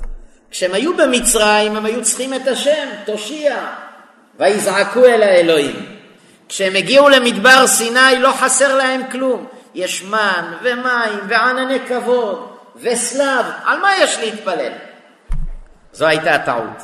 לכן מה השם עשה להם? סגר להם את הברז. אה, אתם מבינים שרק כשצריך אותי, אז הנה, עכשיו אתם צריכים אותי, נראה אתכם מתפלל. תפילה זה לא כספומט. תזכרו, תפילה, גם כשטוב לך אתה צריך להתפלל. על מה? להיות קשור לאלוקים. לפי זה אני מבין את דברי הגמרא במקור העשר. ברכות, דף כ"א, עמוד א'. רבי יוחנן אמר, ולוואי שיתפלל אדם כל היום כולו. שמעתם? הלוואי שתתפלל כל היום, אבל על מה אני אתפלל? יש לי הכל. תפילה זה לא כספומט, זה לא כשאין באים וכשיש לא. תפילה זה קשר עם אלוקים. דבר עם אלוקים גם כשהכול מסודר. לפעמים אתה כבר בוגר, יש לך משפחה משלך. אתה עדיין מתקשר לאבא שלך, לא? אני משתדל להתקשר לאבא שלי. הוא יכול לשאול אותי, בני, למה התקשרת? אתה צריך משהו? מה אני אענה לו? לא. אז למה התקשרת? לשאול מה שלומך, לא? לא שהוא שואל את זה. אני רק אומר, בתוך תוכו. למה הוא מתקשר? תראו לכם אבא קצת יותר בוטה. בני, למה התקשרת? אתה צריך כסף? לא, אבא, אני לא צריך. יש לי משפחה, אני מפרנס את עצמי, אז למה התקשרת? מה זה למה? כי אתה אבא שלי. השם מצפה שנתקשר אליו גם כשאתה לא צריך כסף, גם כשאין בעיות. זה אומר רבי יוחנן, אם אלוקים הוא אבא שלך, הלוואי שתתפלל כל היום, תעמוד איתו בקשר. כי אם אתה רק בא אליו כשאתה צריך אותו, אז אתה מבזה את המושג אבא ותפילה. נמצא, למדנו אחי ורעי, תפילה זה להתפלל להשם, זה להתחבר אליו. יש בעיות, אין בעיות, תמיד תשאיר, תשאיר קשר וערוץ עם הקדוש ברוך הוא. היי ישאל השואל, אבל לפעמים אין בעיות, על מה אני אתפלל? לפעמים אתה שומע בן על מה אני אבקש? מה אתה רוצה? אין. תראו איזה גמרא מעניינת. הגמרא אומרת במסכת ברכות, בדף ח' עמוד א', על הפסוק בתהילים על זאת יתפלל כל חסיד אליך לעת מצו. הגמרא אומרת יש דבר שכל אדם צריך להתפלל עליו. והגמרא מביאה פה כמה דעות, אני קיצרתי בלשון הגמרא, הבאתי רק את הדעות, כי הגמרא מביאה פסוק לכל דבר, אבל בואו נראה את לב ליבו של העניין. לעת מצו, אמר רבי חנינא, לעת מצו זו אישה. על מה אדם צריך להתפלל? שיקבל אישה טובה. רבי נתן אומר לעת מצו זו תורה. על מה צריך אדם להתפלל? שיהיה תלמיד חכם, שיבין את התורה. רב נחמן בר יצחק אמר לעת מצו זו מיתה. אדם צריך להתפלל שהוא ימות כמו שצריך בגיל 120. רבי יוחנן אמר לעת מצו זו קבורה. שייקבר גם כמו שצריך. לא הבנתי את הגמרא הזאת. בחור בן 18, אתה אומר לו, אדוני, כבר היום תתפלל שתמות כמו שצריך. כבר היום בגיל 18 תתפלל שיקברו אותך כמו בן אדם. תגיד לי, מה אתה כזה פסימי, עוד לא התחיל את החיים, אתה כבר מדבר איתו על מוות, שיתפלל שיהיה לו הלוויה נורמלית, תגיד לי, איפה אתה הלכת? לא, מה הגמרא רוצה? מה, משעמם לחכמים? בגיל 18 כבר התפלל שיהיה לו חלקת קבר נורמלית, ושתהיה לו הלוויה כמו שצריך. בן אדם, מה אתה רוצה, לייאש אותו? לא הבנתי, מה הגמרא רוצה? מילא על אישה ותורה, אני מבין שיהיה לו אישה טובה. אבל מהיום להתפלל על גיל 120, זה כאילו הגמרא מחפשת בעיות בכוח, לא? אתם יודעים מה כתוב בגמרא הזאת? יש אנשים שאומרים לך, על מה אני אתפלל? תגיד, על מה אני אתפלל? יש לי משכורת מסודרת, יש לי קביעות, יש לי חברה פרטית שלי, אני עצמאי, אני מחזיק אנשים. יש לי ארבע כלי רכב בחנייה, חצי מהבניינים של אשדוד שייכים לי, תגיד לי, על מה יש לי להתפלל אני? הוא, יש לו בעיות, אני, מה יש לי? מה אני אתפלל? גם גשם אני לא צריך. אם אני צריך, נשיא ארצות הברית ירד פה. איזה עשיר אני. אומרת לו הגמרא, גם אם אין לך על מה להתפלל, תייצר בעיות מתחת השולחן שיהיה לך על מה להתפלל. למה? כדי לשמור בקשר עם השם. מה קורה אם אני רוצה לדבר עם בן אדם ואני רוצה ליצור איתו קשר? מה עושים? יש לך שעון, אתה אומר לו, תגיד, מה השעה? מכירים את זה? אבל יש לך שעון. לא, אני רוצה אבל לפתוח איתו בשיחה. אתה מחפש איזה בעיה כדי לפתוח איתו בשיחה. אומרת הגמרא, בוא תבין עכשיו את הגמרא. אם יגיד לך אדם, אני, מה חסר לי בחיים? אני בחור בן 18, בריא כמו שור, מה יש לי להתפלל? אומרת לו הגמרא, אתה צריך להתפלל על אישה. בסדר? אתה נשוי? לא, נכון? תתפלל על אישה, אם יש לך בעיה, תתחיל להתפלל. לא בשביל האישה, כדי להיות בקשר עם השם. הוא אומר לך, אני נשוי, יש לי אישה, על מה אני אתפלל? יש לי אישה מצוינת. על תורה, אתה תלמיד חכם? לא, אז הנה, קיבלת נושא, תתחיל להתפלל. ושוב, לא בשביל התורה, תהיה בקשר עם אלוקים. הוא אומר לך, אדוני, אני גם נשוי ואני גם הרב עובדיה. אני גם תלמיד חכם, וגם מה יש לי להתפלל? אתה אומר לו, אדוני, אז אני אמציא לך בעיה שלא חשבת, שתמות כמו בן אדם. מהיום תתפלל, מה למות? אין בעיות. מתחת השולחן תחפש איזה נושא להתפלל עליו, הנה, שתיפטר מן העולם בבוא היום בנחת וברוגע. הוא אומר לך, אני לא צריך להתפלל על מוות, אתה יודע למה? אני קוראים אותי רבי יהושע בן לוי. מלאך המוות חבר שלי, אל תדאג, אני מסודר במוות. מה אומרת לו הגמרא? גם אם במוות אתה מסודר, אבל מה עם הקבר? זה גם אם אתה רבי יהושע בן לוי, לא בטוח ש... כי הקבר זה לא כמו מלאך המוות, זה לא תחום אחריותו, אז תתפלל שתיקבר בבוא היום כמו שצריך. הגמרא לא מתכוונת לייאש אותנו ולהזכיר לנו ענייני מיתה. הגמרא רק רוצה ללמד אותנו, אדוני, דבר עם הקדוש ברוך הוא. ואם אתה טוען שאין לך על מה, הנה קיבלת רשימה. בסוף כולם מתים, נכון? אז תתפלל שתמות כמו שצריך. נכון שאנחנו יכולים לא להתפלל על זה, כי לכולנו לצערנו יש הרבה בעיות עוד לפני, אבל גם אם יקום העשיר הגדול ויגיד אין לי בעיות, על מה נתפלל כל היום? על זאת יתפלל כל חסיד. ואחי ורעי, גם להיקבר כמו בן אדם צריך להתפלל. לצערנו בעוונותינו יש אנשים שכנראה לעולם לא יזהו אותה, לא יודעים איפה הגופה שלהם התפוררה. נו, אז גם להיקבר כבן אדם צריך להתפלל. אז מה יגיד לך אדם? אני, מה יש לי להתפלל? חסר על מה להתפלל? ולמה צריך? תהיה בקשר עם אלוקים. לכן תראו, אברהם אבינו היה אדם מאוד מוזר במרכאות, כן? מאוד מוזר. למה מוזר? בואו נקרא רגע במקור 12 כמה פסוקים. השם אומר לאברהם בפרשת לך לך, קום, התהלך בארץ לאורכה ולרוחבה, כי לך אתננה. אברהם, ארץ ישראל שלך, לך לאורך, לך לרוחב, איפה אתה רוצה, קיבלת. אני במקום אברהם, אני אגיד לכם, אם השם היה אומר לי, תגור איפה שאתה רוצה, אם שר השיכון היה אומר לי, איפה שאתה רוצה, קיבלת בית, אתם יודעים מה הייתי אומר לו? אני רוצה בית בקיבוץ גינוסר על הכנרת. לא. איזה קרקע פוריה, איזה נוף, איזה מים. השם אומר לאברהם, איפה אתה רוצה לגור? קיבלת. תראו, אברהם לא לקח את קיבוץ גינוסר. מה הוא הולך? ויעל אברהם ויבוא וישב באלוני ממרא אשר בחברון. אברהם הולך וגר בחברון. חברון, רש"י כותב בפרשת שלח, זה אחד המקומות הכי גרועים בארץ ישראל. חברון, אומר רש"י, הייתה אדמת סלעים וטרשים. חקלאות אי אפשר לעבוד שם.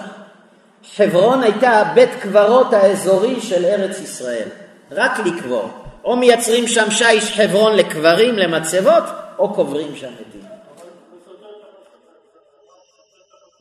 אין לי זמן לענות עכשיו, אני מקווה שאני אענה תוך כדי הדברים. אז מצד אחד השם אומר לאברהם, תגור איפה שאתה רוצה, איפה הוא בוחר? את המקום הכי גרוע, חברון. טוב? אחרי כמה שנים אברהם עובר דירה סוף סוף. מה אתה אומר בלב? אתה רואה את אברהם עולה למשאית, קרטונים, אה, כנראה קיבל שכל. הבין שבחברון זה לא עסק. בטח עכשיו הוא עובר לקיבוץ גינוסר, לא? וייסע משם אברהם ארצה הנגב. הלך למקום יותר גרוע, לנגב. אין צמחייה, אין מוביל ארצי, אין מים, כלום. תגיד לי, אברהם, משעמם לו בחיים, איפה הוא הולך? תעלה צפונה. לך צפונה, יש שם קיבוצים טובים, צמחייה. יום אחד אברהם שוב פעם עובר דירה. נו, אברהם אורז, כנראה אחרי שתי טעויות, עכשיו הוא למד את הלקח. אברהם, לאיפה אתה הולך? צפונה, משהו? כרמיאל, אני יודע? לא. וישוב אברהם אל נעריו ויקומו וילכו יחדיו אל באר שבע וישב אברהם בבאר שבע בירת הנגב אין שם לא בירה ולא נגב, מה יש שם? בירת הנגב, יבש. תגיד לי אברהם, אני לא מבין אותך. אלוקים אמר לך תגור איפה שאתה רוצה. אתה יכול לגור בסביון, בצפון תל אביב, באיזה קיבוץ, דן, דפנה, משהו. כאילו, אה, דן דפנה הוא לא יכול, זה מפונים, אז כנראה לשם הוא לא הלך. אבל קיבוץ גינוסר על הכנרת, מירון, לא יודע, באר שבע, חברון, נגב. תגידו לי, אברהם מתעלל בעצמו? לא מבין, מה יש לאברהם? אתם יודעים מה הסוד? אברהם אבינו אמר, אני רוצה להיות בקשר עם אלוקים. יש לי הכל, אז איך אני אהיה איתו בקשר? אני אחפש בעיות לעצמי. אברהם מחפש את המקומות הכי קשים למגורים. אומר אברהם, פה, גם אם אני לא רוצה, אני אהיה חייב להיות בקשר עם אלוקים. אם אני אגור בקיבוץ גינוסר על הכנרת, איזה בננות, איזה מנגו, איזה אבוקדו, אני אשכח את אלוקים. אברהם הולך למקומות הכי בעייתיים בארץ ישראל, לא כי הוא רוצה להתעלל בעצמו, כי אברהם אבינו הבין כמה כדאי להיות בקשר עם אלוקים. אז הוא מאלץ את עצמו להיות בקשר עם אלוקים. אני חוזר לאליעזר. אתם זוכרים מה שאלנו בהתחלה? אברהם סידר לך מלאכים שילוו אותך. קיבלת מאברהם מזוודות של דולרים על כל בעיה שלא תצוץ. קיבלת גם כתובת, לך למשפחה שלי בחרן. לכאורה השליחות של אליעזר מסודרת מכל הכיוונים. אליעזר עוד עומד ומתפלל, ומה הוא מתפלל אמר האור החיים? אולי אני אייצר בעיה, אולי אני אכשיל. תגיד לי מה, אתה מחפש בעיות מתחת השולחן? לא הבנתי. מה יש לאליעזר? הנה התשובה. אליעזר היה דבוק בקדוש ברוך הוא כמו אברהם אבינו, הרי הפסוק משווה את אליעזר לאברהם בעבודת השם, המושל בכל אשר לו. איפה אברהם הגיע למדרגות והשגות, גם אליעזר הגיע איתו. אומר אליעזר, יש לי הכל, ואם יש לי הכל זה בעיה. כי אם יש לי הכל, אני לא אתפלל לאלוקים. אז אני אחפש בעיות שיהיה לי על מה להתפלל לאלוקים. אז הוא אומר לאברהם, סידרת לי מלאכים, נתת כסף, אבל עליי לא חשבת, ואם אני אעשה איזה שטות בדרך והכל ייתקע, אז הנה עכשיו הוא מצא על מה להתפלל. חי ורעי, אני חושב שקיבלנו פה יסוד גדול, ואני חושב שהוא גם מאוד אקטואלי למציאות שלנו. אני לא נכנס עכשיו מהם הסיבות שהשם הוביל אותנו לבעיה הקשה שלא תקום פעמיים צרה. אבל בימים האלה מה השם רוצה מאיתנו? אומר השם, אתה רואה שסיבכתי אותך בתסבוכת שאין פתרון? אנשים 24 שעות היו בממ"ד מתקשרים למשטרה, לצבא, למד"א, לחברים מהצבא, תיכנס תחת המיטה, תתחבא, אין, אי אפשר לבוא אליך. למה הכנסתי אתכם לבעיה קשה, אומר השם? תתפלל אליי, שכחת אותי, איפה אתה? הבאתי אותך לארץ ישראל, שמתי אותך במקום מסוכן ואתה עוד לא מתעורר. לפני עשרים שנה אמר אדם שחשב שהוא חכם, הם עושים לנו בעיות, אז בוא נתנתק. הנה, פתרנו את הבעיה. טוב, מה עשה השם? יצר בעיה חדשה. התחילו להעיף טילים. אז קם אדם חכם, נמציא כיפת ברזל. אז הנה, פתרנו את הבעיה. שימו לב, אנחנו בורחים מהבעיות, אבל עוד לא קלטנו מה השם רוצה. אז פתרנו את הבעיה של הטילים. אז הם התחילו לחקור מנהרות. אז הצבא הושיב מומחים ופתרו את הבעיה של המנהרות. יצקו בטון לעומק, עם ברזל ויציקות, עכשיו לא יכולים לחדור. אז מה הם עשו? אז הם באים עכשיו על פני הקרקע. אז גם זה לא בעיה, בואו נפתור, נבנה גדר חכמה. מה עשה השם בסוף? הכל קרס. אומר השם, תגיד לי, אתה לא מבין שאני נותן לך עקיצות מהצד שתתפלל, תעמוד בקשר? אתם זוכרים מה היה עם יונה? בהתחלה רק דג בלע אותו. אבל הוא עוד לא הרים את העיניים. אז השם סיבך אותו עוד יותר קשה. מה השם רוצה מאיתנו בימים האלה? תשא עיניך למרום.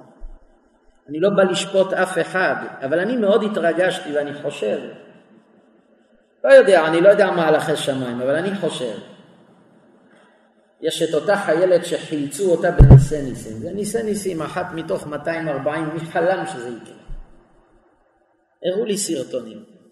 הראו לי את אימא שלה בהפרשת חלה בוכה מעומק הלב. לשמוע אותה הלב שלך נקרע.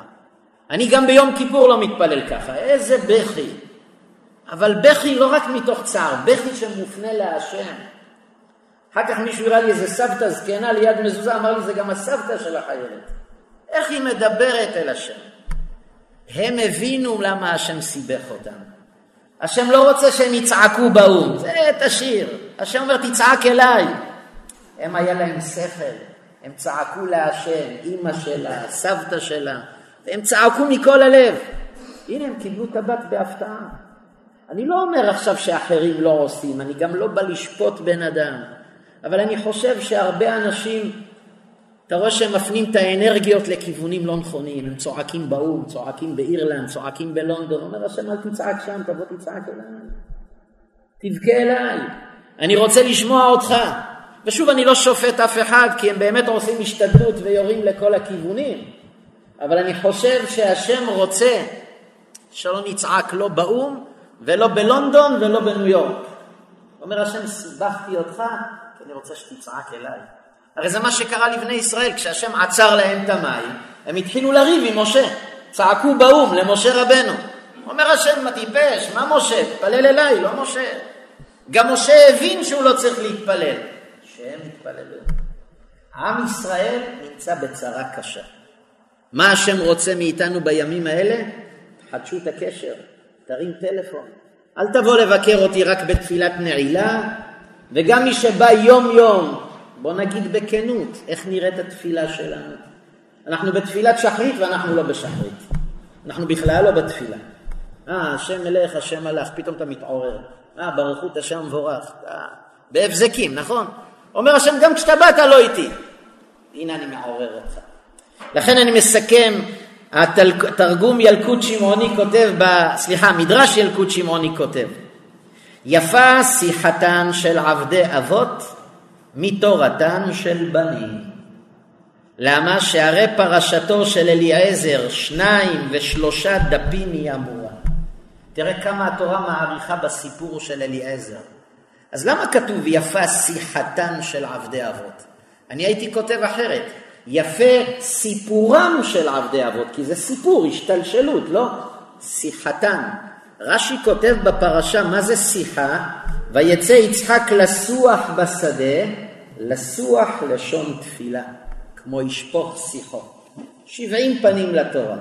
אני חושב שהמדרש היה זהיר בלשונו. יפה שיחתן, בסוגריים תכתוב תפילתן. שיחה זה תפילה.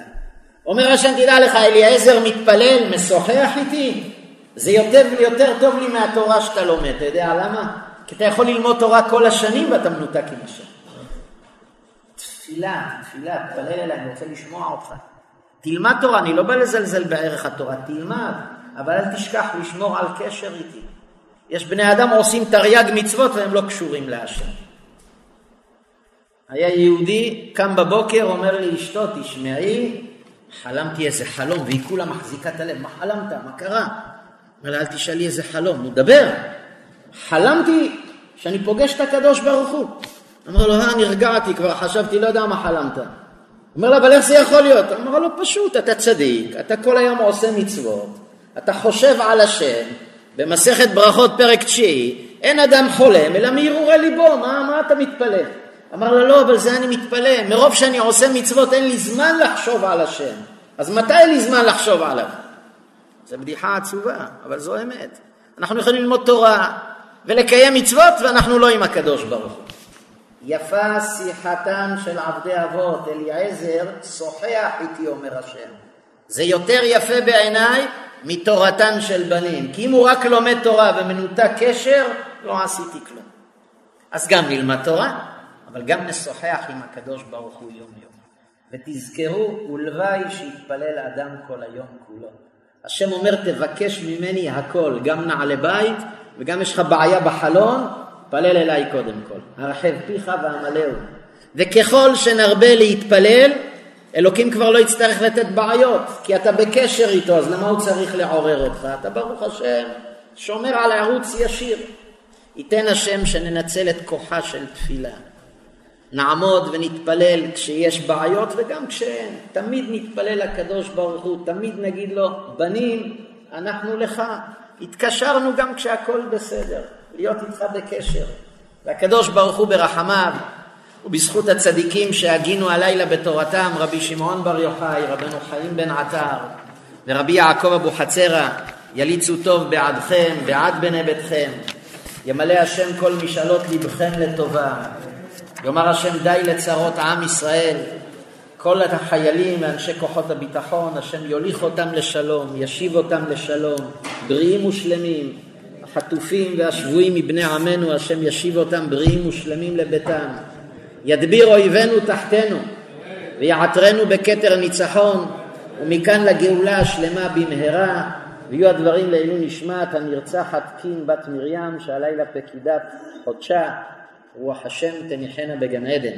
רבי חנניה בן עקשיא אומר, רצה הקדוש ברוך הוא לזכות את ישראל, לפיכך הרבה להם תורה ומצוות שנאמר, אדוני חפץ למען צדקו, יגדיל תורה וידיר.